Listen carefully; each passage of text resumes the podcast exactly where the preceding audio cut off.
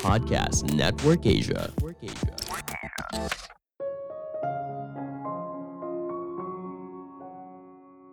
Keputusan terbaik berasal dari metode yang tepat.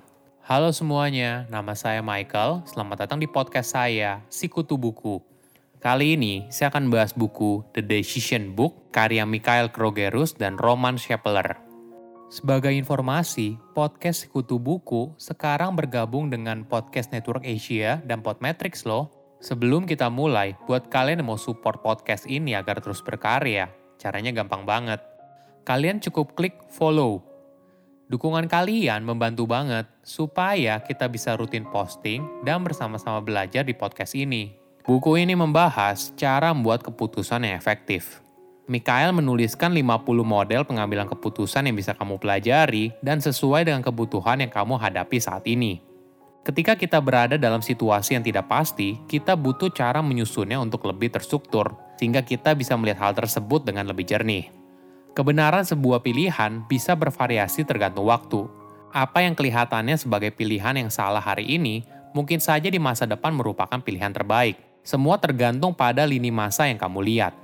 Saya merangkumnya menjadi tiga hal penting dari buku ini.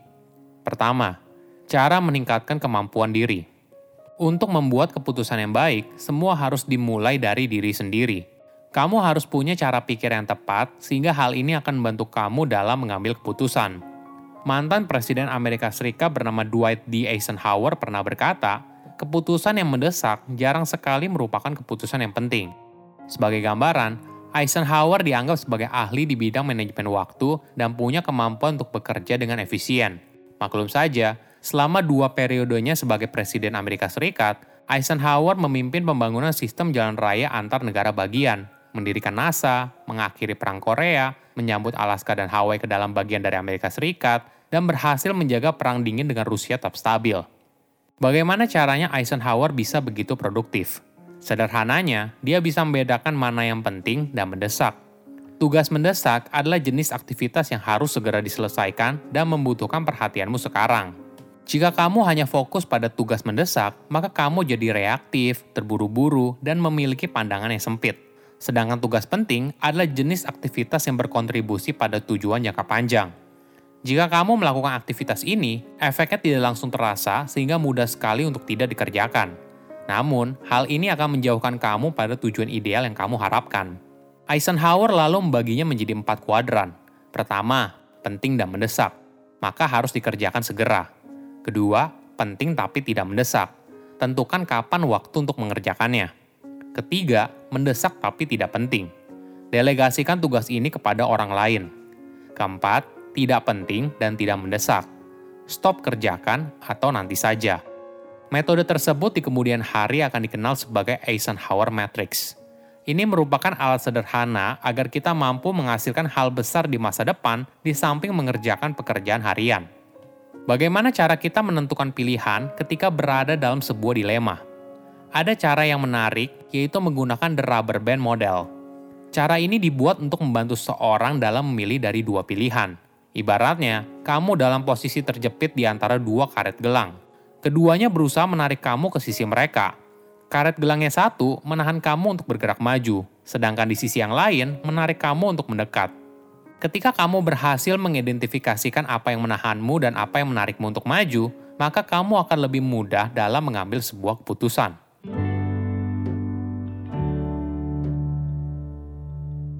Kedua, memahami orang lain dengan lebih baik apa yang kamu butuhkan mungkin tidak sesuai dengan apa yang kamu inginkan.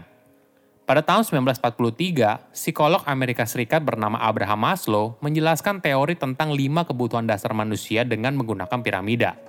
Kebutuhan di bawahnya harus dipenuhi dulu sebelum seorang bisa memenuhi kebutuhan yang lebih tinggi. Dua kebutuhan dalam piramida paling bawah yaitu fisiologis dan keamanan. Kebutuhan ini disebut sebagai kebutuhan dasar.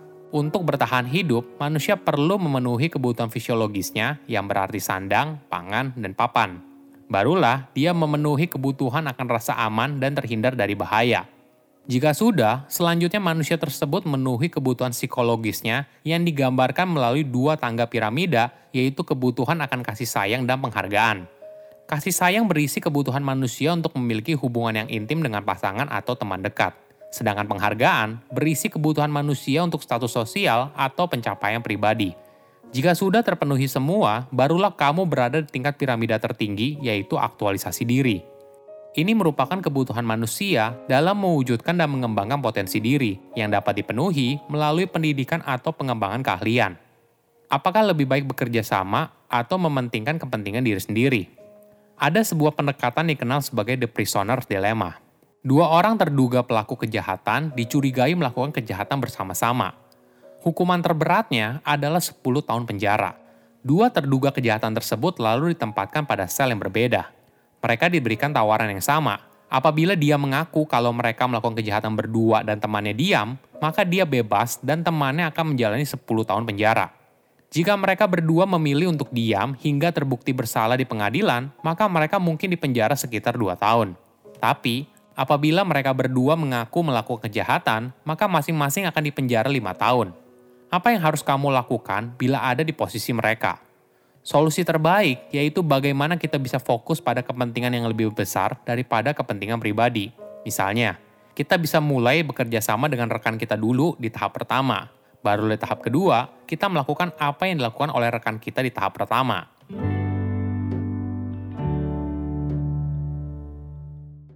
Ketiga, cara meningkatkan hubungan dengan orang lain. Apakah tim kamu merupakan orang yang tepat di pekerjaannya sekarang? Ini tentu saja pertanyaan yang penting. Kamu bisa mulai dengan menilai keahlian yang mereka miliki.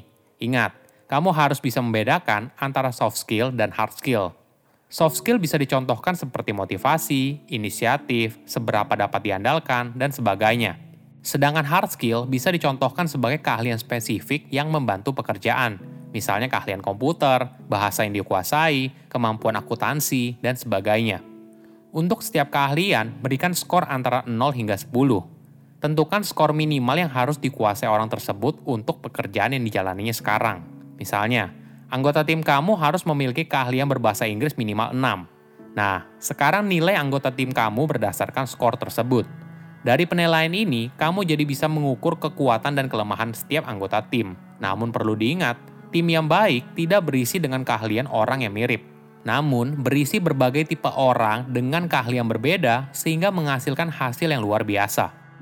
Ingat, setiap karyawan butuh pendekatan yang berbeda, tergantung dari tingkat keahlian yang dimilikinya kamu bisa menggunakan Hersey Blanchard Model atau yang biasa dikenal sebagai kepemimpinan berdasarkan kondisi. Pertama, instructing. Ketika karyawan baru atau fresh graduate mulai bekerja, mereka butuh kepemimpinan yang kuat. Saat itu, biasanya karyawan memiliki motivasi kerja yang tinggi, tapi tingkat keahlian mereka masih rendah. Dalam kondisi tersebut, karyawan harus diberikan perintah dan instruksi yang jelas. Kedua, coaching. Di fase ini, tingkat keahlian karyawan sudah meningkat, namun, karena tingkat stres yang mulai naik dan euforia bekerja sudah turun, maka tingkat motivasinya juga ikut turun. Di fase ini, seorang pemimpin harus fokus membimbing dan mengarahkan, biarkan mereka yang menemukan jawabannya sendiri. Ketiga, supporting. Di fase ini, tingkat keahlian karyawan sudah jauh meningkat. Namun, tingkat motivasinya bisa bervariasi, entah sudah turun jauh hingga akhirnya mereka demotivasi, atau malah sudah mengundurkan diri, atau malah naik lagi karena diberikan kebebasan untuk berkarya. Misalnya, karyawan diberikan kesempatan untuk memberikan ide atau saran bagi perusahaan. Keempat, delegating. Di fase ini, karyawan diberikan kontrol penuh atas kerjanya. Tingkat motivasinya juga tinggi, mereka diberikan kebebasan untuk proyek yang mereka jalani dan cara memimpin tim. Jika sudah begitu, kamu tidak perlu banyak ikut campur Asalkan arahan besarnya jelas, mereka mampu bekerja dengan baik. Setiap hari, kita pasti membuat keputusan dari hal kecil hingga hal besar. Dengan metode yang tepat, maka kita mampu mengambil keputusan terbaik. Saya undur diri, jangan lupa follow podcast Sikutu Buku. Bye-bye. Pandangan dan opini yang disampaikan oleh kreator podcast, host, dan tamu tidak mencerminkan kebijakan resmi dan bagian dari podcast Network Asia. Setiap konten yang disampaikan mereka di dalam podcast adalah opini mereka sendiri dan tidak bermaksud untuk merugikan agama, grup etnik, perkumpulan, organisasi, perusahaan, perorangan, atau siapa pun dan apa pun.